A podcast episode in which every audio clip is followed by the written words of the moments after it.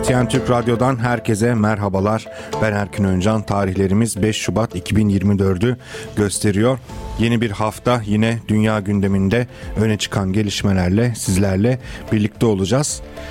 Dünya turumuza Ukrayna'dan başlayalım. Ukrayna'da bir süredir siyasi kriz yaşanıyor. Bu siyasi krize ilişkinde gelişmeleri hem e, CGTN Türk internet sitesinden hem de radyo programımızdan güncel bir şekilde aktarıyoruz.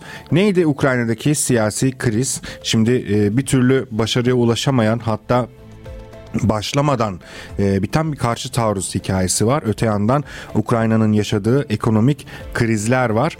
Ve e, bütün bunlar bir araya gelince ve Ukrayna'ya yönelik yardımlarda sekteye uğraması veya yardımların artık daha fazla sorgulanmaya başlanması gibi e, noktalar bir araya gelince Ukrayna'da bir siyasi kriz ortaya çıktı.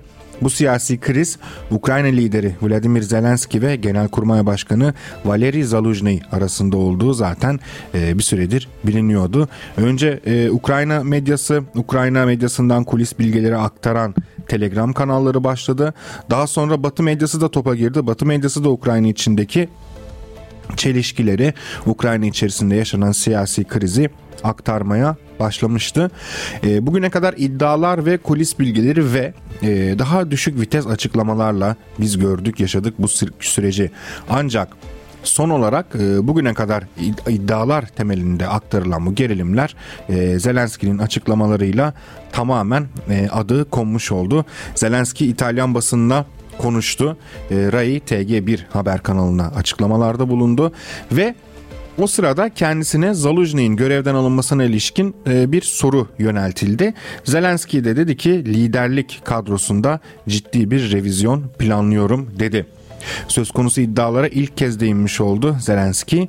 Bu konuda konuşurken yalnızca ordu gibi tek bir alanda değil bir dizi devlet liderinin değiştirilmesini kastediyorum diyor. Kazanmak istiyorsak zaferden emin olarak hepimiz aynı yöne doğru ilerlemeliyiz diye e, sözlerine eklemiş. E, buradaki kritik olan nokta zaferden emin olmak e, meselesine yaptığı vurgu Zelenski'nin. Çünkü Zelenski ile Genelkurmay Başkanı Zalunski, Zaluzhny arasındaki hikayede biraz aslında bu Zaluzhny'in e, savaşa yönelik eleştirileri, sahadaki duruma yönelik eleştirileri ve e, tabii ki de siyasi liderliğe yönelik eleştirileri söz konusu olmuştu. Ve e, zaferden emin olma vurgusu da doğrudan bu, bu yüzden e, Zaluzhny'ye yönelik bir e, gönderme. Geçen hafta bu arada e, Genelkurmay Başkanı Zaluzhny'in CNN'de bir köşe yazısı yayınlandı. E, Genelkurmay Başkanı bir e, haber portalında köşe yazısı yayınlar mı demeyelim. E, çünkü bu tür siyasi figürler özellikle Batı medyasında çok yapılıyor bu e, Ukrayna lideri olsun hatta e, Cumhurbaşkanı Recep Tayyip Erdoğan'ın da hem Amerikan medyasında hem Çin medyasında da olmak üzere e, çeşitli makaleleri yayınlandı. Siyasi liderler, askeri, askeri liderler çeşitli konularda bazen hem kendilerinin hem de ülkelerinin görüşlerini bu şekilde bu yolla aktarırlar.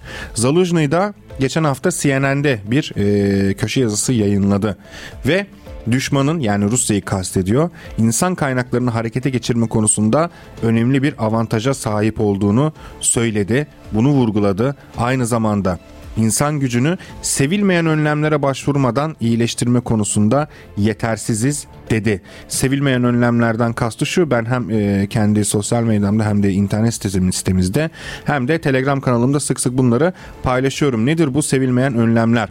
Yoldan, çarşıdan, pazardan bir an önce hemen acil bir şekilde asker toplanması. Şimdi asker kaynağı sıkıntısı yaşanıyor Ukrayna'da ve Ukraynalıların önemli bir kısmı ya yurt dışına kaçıyor ya da askerden kaçmaya çalışıyor. Dolayısıyla Ukrayna ordusu da bu asker kaynağı sıkıntısını kurduğu mobil ekiplerle sivil alanlara dağılarak oradan buldukları uygun olduğunu düşündükleri insanları toplayıp orduya e, kaydederek çözmeye çalışıyor. Zaluzhny'in da sevilmeyen önlemler dediği e, tam olarak bu.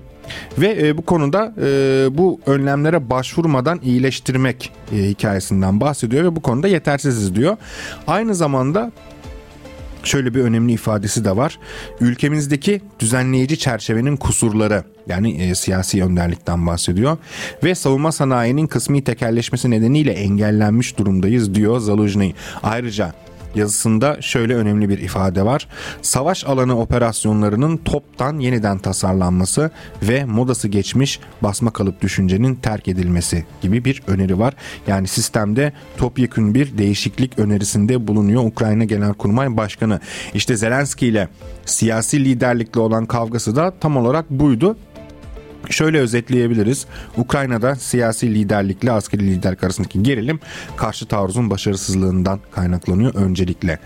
Ukrayna'da siyasi liderlik, askeri liderliği Sovyet eğitimi almış aptallar olarak tanımlıyor.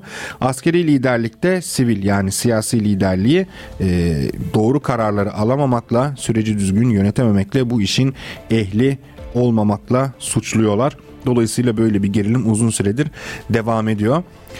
Zelenski yönetimi bu arada yeni değil. 2023 yılından daha henüz başlarında bahar aylarında Zaluzhny'nin yetkilerini kısıtlayacak ve Savunma Bakanı Alexey Reznikov'la paylaştıracak yasal hazırlıklar için çoktan çalışmaya başlamıştı. Zelenski de son verdiği röportajda şunu söylüyor. E, aklımda ciddi bir şey var. Bu tek bir kişiyle değil ülke liderliğinin istikametiyle ilgili diyor. Ülke liderliğinin istikametinden bahsedelim. Ülke liderliği şu anda şöyle bir istikamet e, tutmuş durumda. Biz Kırım'ı dahi geri alacağız diyor sahadaki duruma rağmen. Sahadaki durum meselenin tam tersini gösteriyor ama e, buna rağmen diyorlar ki biz Kırım'ı dahi geri alacağız. Ukrayna'nın bütünlüğünü sağlayacağız. Rusya'yı Ukrayna topraklarından kovacağız diyorlar. Tabi Ukrayna'da böyle bir gerilim devam ediyor ama Ukrayna'nın en büyük destekçisi olan Amerika ne yapıyor? O biraz soru işaretiydi. Amerika şimdilik karışmıyor mu meseleye? Konuyla ilgili en üst düzey açıklama Amerikan Ulusal Güvenlik Danışmanı Jake Sullivan tarafından yapıldı. E, dün yapıldı CBS'e yaptığı bir açıklamada Zaluzny'in görevden alınması gibi personel kararlarına karışmanın Washington'ın işi olmadığını söyledi ve bu ABD hükümetinin şu ya da bu şekilde ağırlık vermesi gereken bir şey değil diye de e, sözlerini tamamladı. Yani Amerika Zelenski ile Zaluzny arasında devam eden o rekabette biraz daha ortalığın durumların netleşmesini bekliyor gibi bir e, hal var. Aynı zamanda Zelenski Zaluzny'yi görevden aldığına ilişkin söylentiler çıkmıştı ama e, henüz Zelenski Zaluzny'yi daha resmen görevden almadı. Bunun iki sebebi var. Birincisi ülkede e, çıkması, meydana gelmesi e, ihtimal dahilinde olan bir istikrarsızlık yani savaş halindeki bir ülke ve Genelkurmay Başkanı görevden alınıyor. Bu biraz zor e, Ukrayna'da. İkincisi Zaluzny'da aynı şekilde e, Zelenski gibi veya yine Zelenski'ye karşı e, isyan bayrağını çeken Kiev Belediye Başkanı Vitali Klitschko gibi e, halk arasında çok popüler bir isim. E, dolayısıyla Zelenski Zaluzhny'yi görevden almak istiyorsa doğrudan bunu e, yapamaz çünkü halk tepkisiyle karşılaşır. Dolayısıyla bunu kamuoyunu kızdırmayacak şekilde yani kendisini tatmin edici yeni bir e, göreve atayarak yapması gerekecek. Tabi Zaluzhny da şu an için böyle bir plana ikna olmuş değil. E, dolayısıyla Ukrayna'da yaşanan bütün bu siyasi kriz özetle e, Kiev yönetiminin tek bir stratejisine dayanıyor. Zelenski liderliğindeki siyasi yönetim savaşın uzamasını istiyor. Yani savaş karşıtı veya kendi tabirleriyle işgal karşıtı yaptığı açıklamalara e, çok da kulak asmamak lazım. Çünkü savaş ne kadar uzarsa Ukrayna'ya yapılacak yardımlar o kadar sürecek. Yani savaş ne kadar uzarsa aynı şekilde e, Batı ülkelerinin vereceği destek daha da uzayacak. İşte Zelenski yönetiminin de temel stratejisi tam olarak bu. E, meseleyi olabildiğince uzatıp asla e, müzakere masasına oturmayıp yardımların devamını sağlamak. Çünkü tamamen artık yardımlara odaklanmış, kitlenmiş bir durumda Ukrayna yönetimi hem siyasi hem de ekonomik olarak. Dolayısıyla e, Kiev'de birden fazla iktidar kliği var aslında bir yönetim var ama e, Zelenski'nin ekibi var. Ortaya çıktığı üzere Klitschko'nun bir ekibi var. Aynı zamanda e, Genelkurmay Başkanı Valeri Zaluzhny'in da bir ekibi var. Belli ki zaten neoneziler apayrı bir hikaye. Neoneziler e, ayrı bir yeri tutuyorlar. Dolayısıyla bütün bu iktidar klikleri e, artık e, ilan edilmesine bence çok da zaman kalmadı. Bu mağlubiyetin e, faturasını birbirlerine kesmeye çalışıyorlar diyelim. Bu da e, dünyada e, bizim dünya gündemimizde sabit konularımızdan bir tanesiydi zaten. Hem Ukrayna gündemi genel olarak operasyonlar sürecinde çatışmalarda neler yaşanıyor ama belli ki bu dönem Ukrayna içinde yaşanan siyasi krize daha fazla mercek tutacağız gibi duruyor. Rusya tarafında da e, bu sene bu arada çok sayıda ülkede seçimler olacak. Rusya'da da seçimler olacak ve e, Rusya lideri Putin e, elbette ki aday. Aynı zamanda Putin'in karşısına çıkan çeşitli rakipler var. Son olarak e, Putin'in karşısına çıkan e, rakip Nadyejdin e, imzayı toplamıştı bağımsız aday olduğu için imza toplaması gerekiyordu 101 imza. E, ama e, Nadejdi'nin topladığı imzalara itiraz edildi. Rusya Merkez Seçim Komisyonu gereğinden daha fazla ihlal bu tespit ettiler Nadejdi'nde. E, dolayısıyla e, kendisinin adaylığı tehlikeye girmiş durumda. E, Nadejdi'nden aslında geçen hafta bahsetmiştik. Biraz daha e, bahsedelim.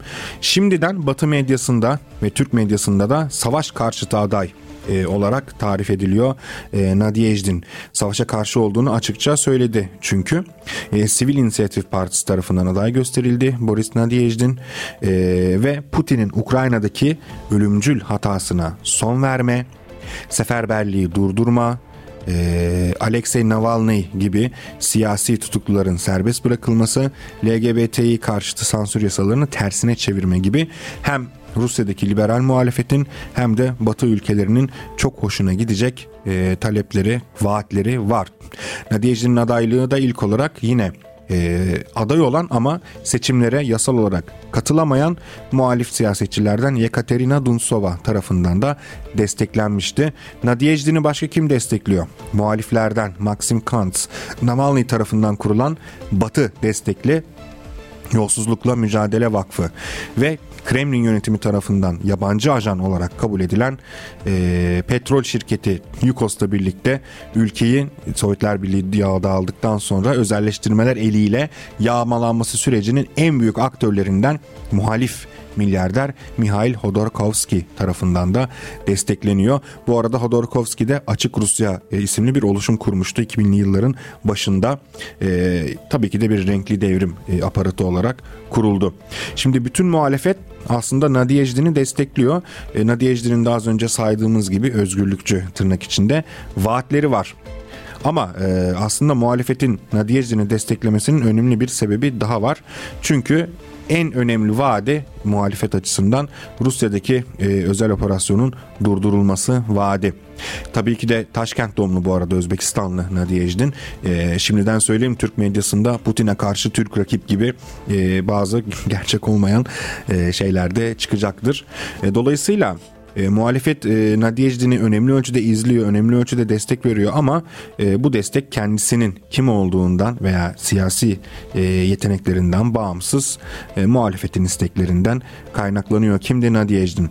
90'lı yıllarda siyasete girmişti.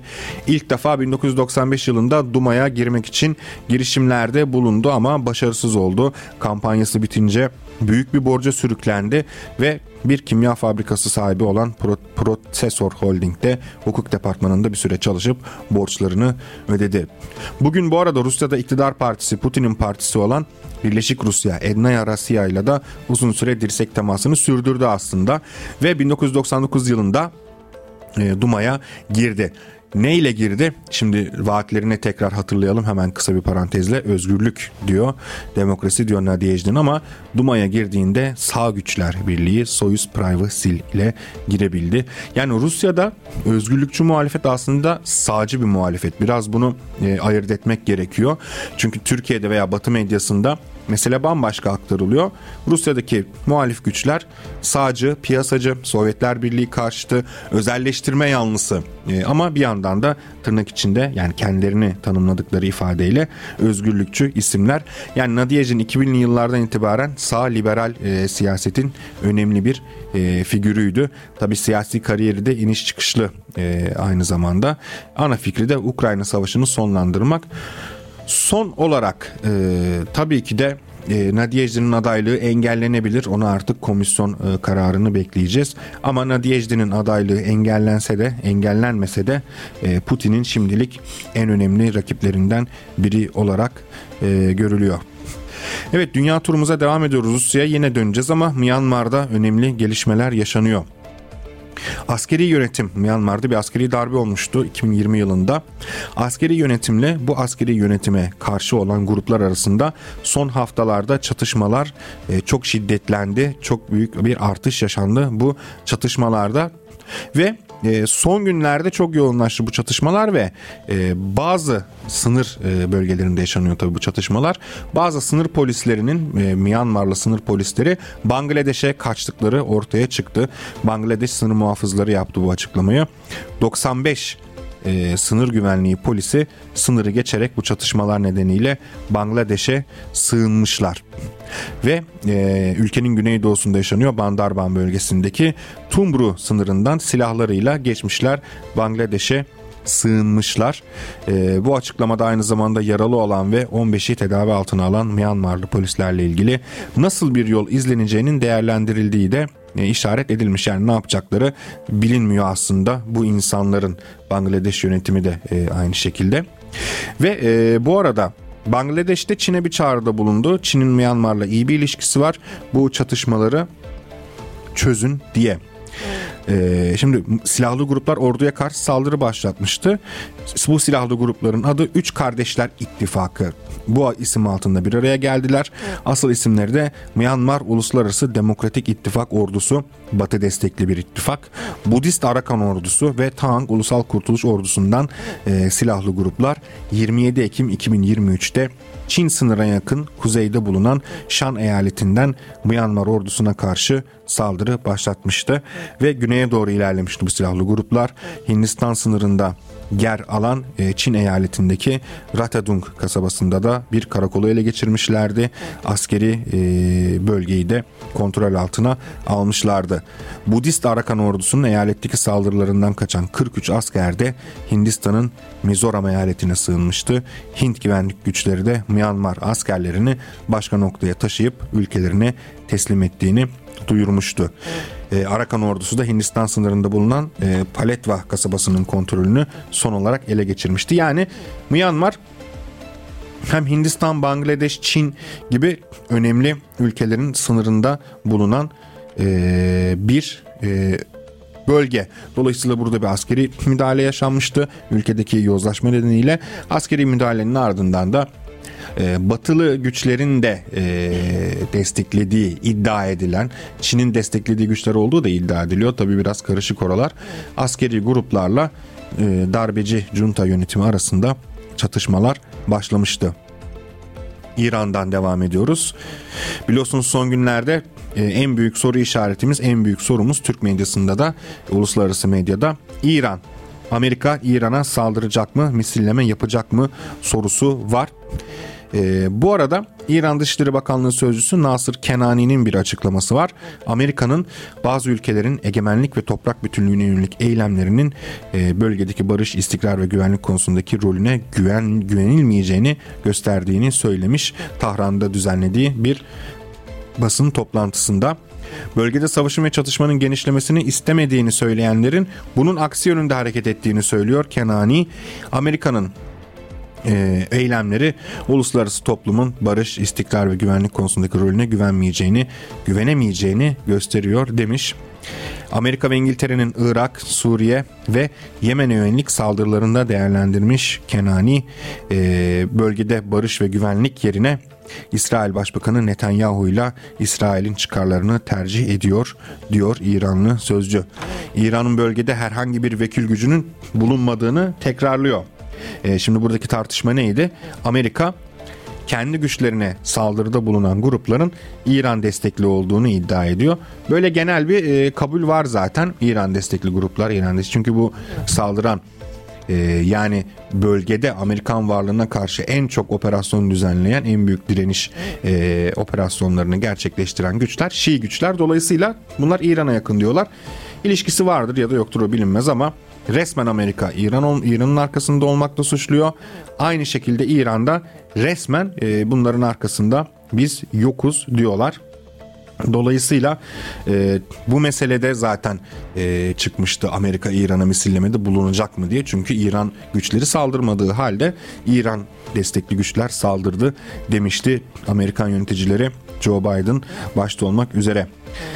İran'la Amerika arasında görüşmelerin olup olmadığına ilişkin de konuşmuş Kenani. Tahran'la Washington arasında doğrudan bir müzakerenin yapılmasına gerek yok demiş.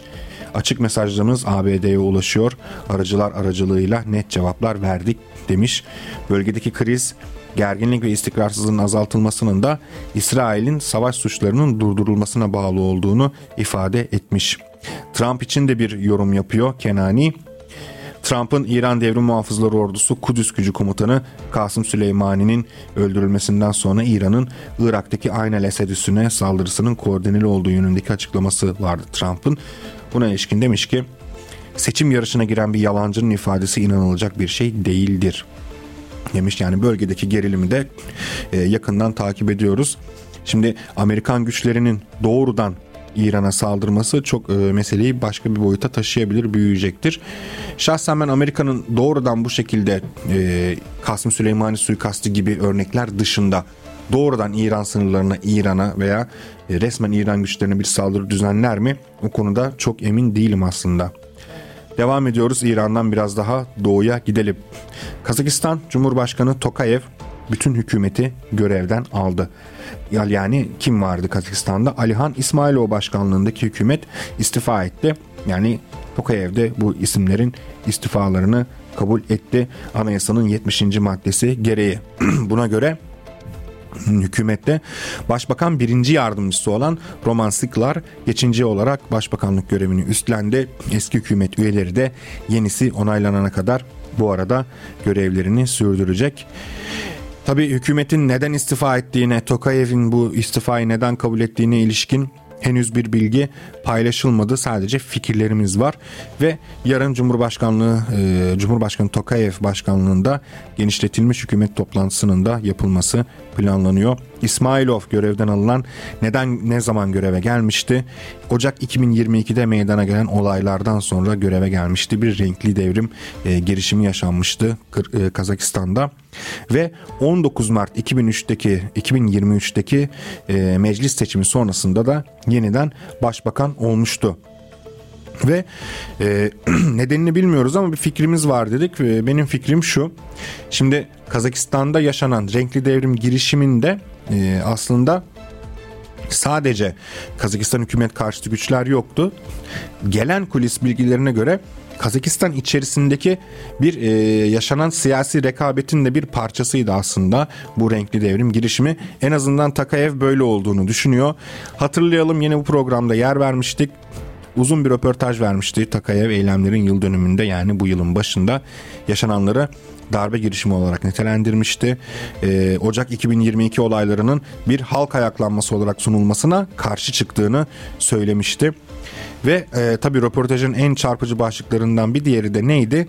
Nazarbayev'in ömür boyu Güvenlik Konseyi Başkanlığı görevine atıfla yaptığı ikili iktidar eleştirisi olmuştu. Yani Nazarbayev ile Takayev arasında bir e, gerilim olabilir. Aynı zamanda Takayev ve meclis arasında da bir gerilim olabilir. Çünkü ne olmuştu? Takayev 2019'da Cumhurbaşkanı olmasına rağmen Nazarbayev, Nursultan Nazarbayev oranın işte ruhani lideri e, gibi, ömür boyu lideri gibi bir şey. Nazarbayev Güvenlik Konseyi Başkanlığı görevini sürdürmeye devam etmişti. Eylemlerin bir kitlesel ayaklanmaya dönüşeceğinin anlaşıldığı 5 Ocak tarihinde de Takayev, Nazarbayev'in Kazakistan Güvenlik Konseyi Başkanlığı görevinden istifa ettiğini ve bu görevi kendisinin üstlendiğini duyurmuştu. Takayev Egemen Kazakistan isimli bir mecraya röportaj veriyor. Hmm, diyor ki Nazarbayev görevi bıraksa bile tamamen ayrılmadı. Söz konusu ikili iktidar modeli siyasi bir dayatma olduğunu vurguladı e, Tokayev o röportajda ve ortaya çıkan ikiliğin e, bir sıkıntı yaratacağını söyledi. Ne konuda bir sıkıntı yaratacağını? E, bu gelecek nesil liderler için bir ciddi bir derstir açıklamasında bulunmuştu. Takayev demişti ki işte biz böyle bir şey yaşadık. E, bu da gelecek nesillere ders olsun. Siz böyle ikili iktidar modeli oluşturmayın demeye getirmişti. Tabi Tokayev Nazarbayev'in konumundan kaynaklı olarak ortaya çıkan bu ikilik nedeniyle kendisini doğrudan hedef almamıştı o röportajında. Bunun yerine şöyle bir şey açıklamada bulunmuştu. Ben Nazarbayev'e en yakın ortaklarının siyasi oyunlarının ülkeyi paramparça etmeye az kaldığını kendisine doğrudan söyledim demekle yetinmişti. Yani neydi? en yakın ortakları kim olabilir Nazarbayev'in? Meclisteki ortakları olabilir. Dolayısıyla Tokayev'in e, hükümetin istifası ve bu istifayı anında kabul etmesi meselesi kendisinin eleştirdiği ikili iktidar bu renkli devrim girişimi hala tartışılıyor Kazakistan'da ve bunun yarattığı bazı e, problemlerden kaynaklı olabilir diyelim. Bu arada Rusya'dan devam ediyoruz. Rusya-Ukrayna gündeminde şöyle bir önemli gelişme yaşandı geçtiğimiz günlerde. Ukrayna güçleri e, bölgesinde yani Lugansk Halk Cumhuriyeti sınırlarında bir fırına Amerikan HIMARS füzeleriyle saldırı düzenledi. E, bu saldırı sonucunda e, 28 sivil hayatını kaybetmişti. Bu yeni bir e, gündem. Bu uçak e, krizi vardı bir öncesinde. E, dolayısıyla bu da ikinci bir gündem olarak e, Rusya-Ukrayna gündeminin önemli bir konu başlığı haline geldi. Konuyla ilgili olarak Kremlin sözcüsü Dmitri Peskov'un bir e, açıklaması oldu ve bu saldırının korkunç bir terör eylemi olduğunu vurguladı. E, gazetecilere yaptığı açıklamalarda söyledi bunu. Ukrayna ordusu sivil altyapıya yönelik e, saldırılarına devam ediyor diyor Kremlin sözcüsü Peskov. Fırına yönelik saldırı korkunç bir terör eylemi, eylemidir. Saldırıda ölenlerin sayısı da bu e, terör eyleminin büyüklüğünü gösteriyor. Bu tarz saldırıların gerçekleşmemesi için özel askeri operasyon sürüyor açıklamasında bulunmuş Peskov. Olay neydi? E, Lugansk bölgesindeki Lysychansk kentinde düzenlenmişti bu saldırı. 28 kişi hayatını kaybetmişti. Rusya Soruşturma Komitesi olayla ilgili bir açıklama yapmıştı. Soruşturma başlatıldığını ve e, ilk belirlemelere göre de saldırının Amerikan yapımı Ukrayna'ya hibe edilen HIMARS çok namlulu roket atar ile düzenlendiği belirtilmişti. Zaharova'da Rusya Dışişleri Bakanlığı sözcüsü saldırı sırasında fırında onlarca sivilin bulunduğunu, bunun terör saldırısı olduğunu söylemişti. E, bu arada Ukrayna'nın Donetsk, Lugansk, Zaporijya ve Herson bölgeleri Önce 2014'ten sonra kendi bağımsızlıklarını ilan etmişlerdi. Daha sonra ne olmuştu? Ee, Rusya lideri Vladimir Putin'in 30 Eylül 2022'de imzaladığı kararnameyle Rusya'ya bağlanmıştı. Tabi uluslararası toplumun bazı parçaları buna e, ilhak diyorlar Kırım'a dedikleri gibi ama bölgede yapılan referandumlar bölge nüfusunun biz Rusya'ya katılmak istiyoruz yönündeki e, siyasi iradesi de e, tabii bu iradeye ilişkin de eleştiriler var. Bu zaten baskı altında yapıldı falan diye ama seçimi gözlemleyen bütün e, uluslararası kuruluşların herhangi bir e, ihlal, ciddi ihlal bulmadığı seçim süreçleriydi bunlar diyelim.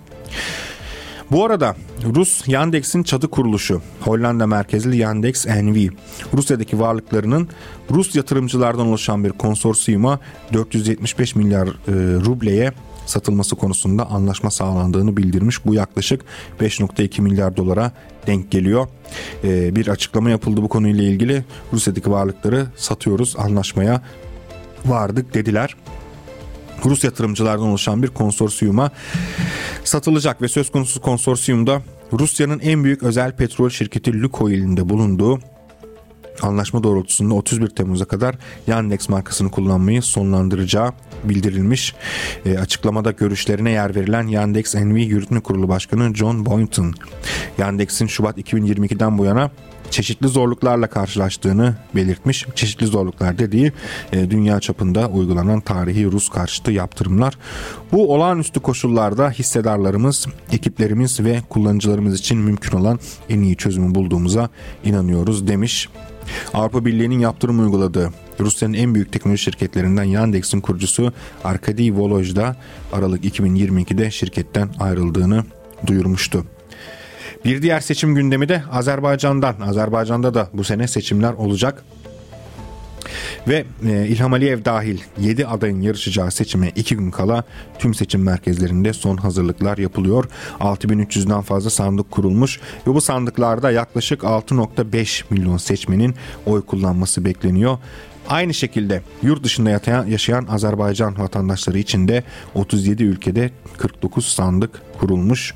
85 bin kişi yaklaşık seçimde gözlemci olmak için kayıt yaptırmış.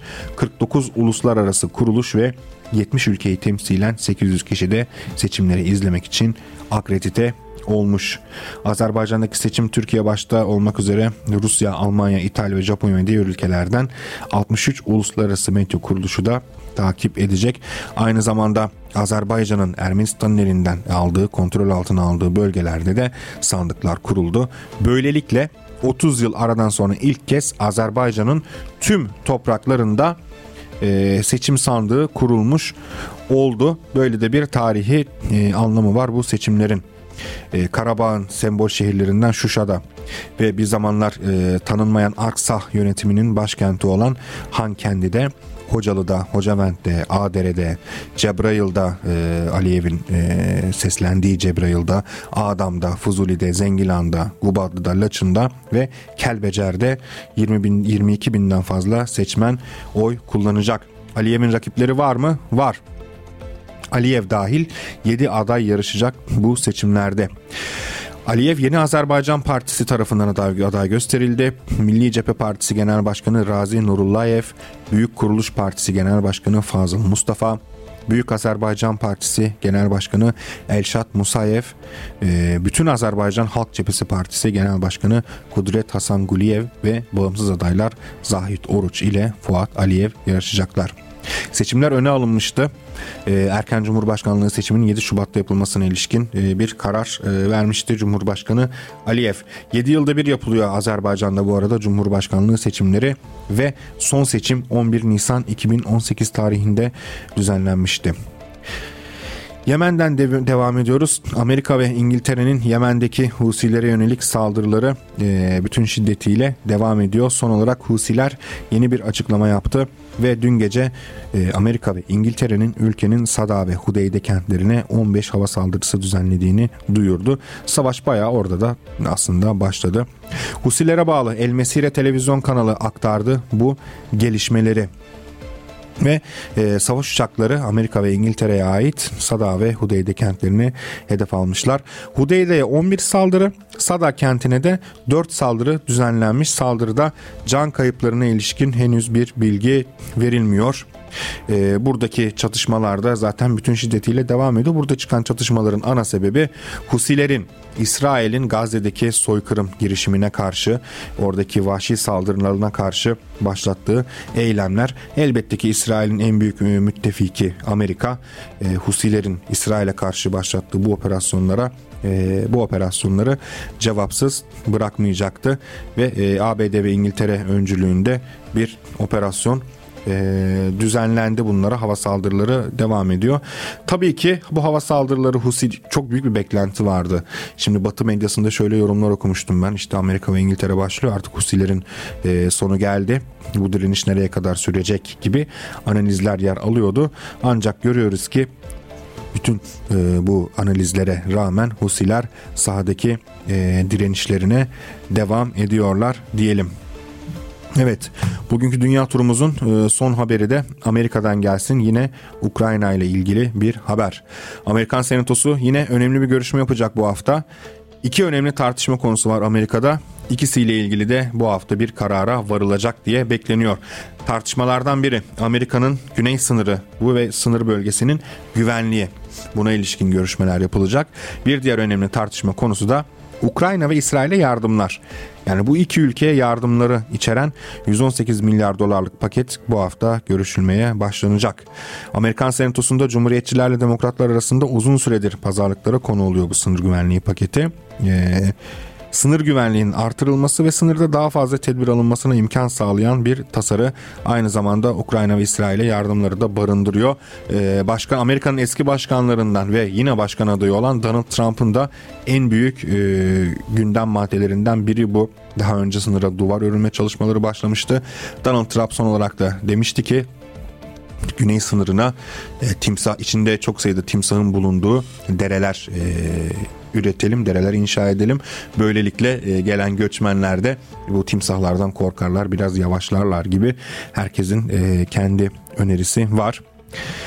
Bu arada 118 milyar dolarlık paketin de çarşamba günü Senato Genel Kurulu'na alınmasını istediğini açıklamış Demokratların Senato'daki çoğunluk lideri Chuck Schumer. İki partiden de bu sefer destek istemiş. Lindsey Graham gibi bazı cumhuriyetçi senatörler halen paketin bazı maddelerinin tartışılması gerektiğini kaydediyor ve tasarının onaylanmasının zaman alacağı belirtiliyor böylelikle. Biden'dan da şu şekilde bir açıklama gelmişti. Yazılı bir açıklama gelmişti. Sınır güvenliğinin artırılması için daha fazla kaynak ayrılması ve Ukrayna ile İsrail'e yardımların bir an önce gönderilebilmesi için paketin bir an önce geçmesi noktasında kongre üyelerine çağrı yaptı. Tasarıyı masama gönderin derhal imzalayacağım ifadelerini kullandı Joe Biden. Aralık ayında söz konusu tasarının önceki hali bu arada Senato'da Cumhuriyetçilerin engeline takılmıştı ve bu sebeple Ukrayna'ya askeri yardımlar kısmi olarak yavaşlamıştı. Tabi Cumhuriyetçiler de ağırlıklı olarak aslında Ukrayna'yı destekliyorlar bu meselede ama e, diyorlar ki artık çok abarttık. E, bizim kendi paramız yok. E, silah stoklarımız neredeyse sıkıntıya girecek ki Avrupa'nın başına gelen o.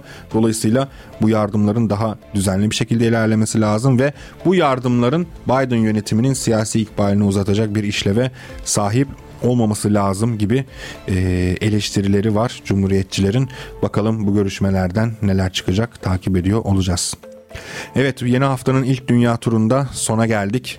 Yarın yine aynı saatte CGTN Türk Radyo'da dünya genelinden öne çıkan gelişmeleri hep birlikte takip edeceğiz ve yorumlayacağız. Dinlediğiniz için çok teşekkürler. Hoşçakalın.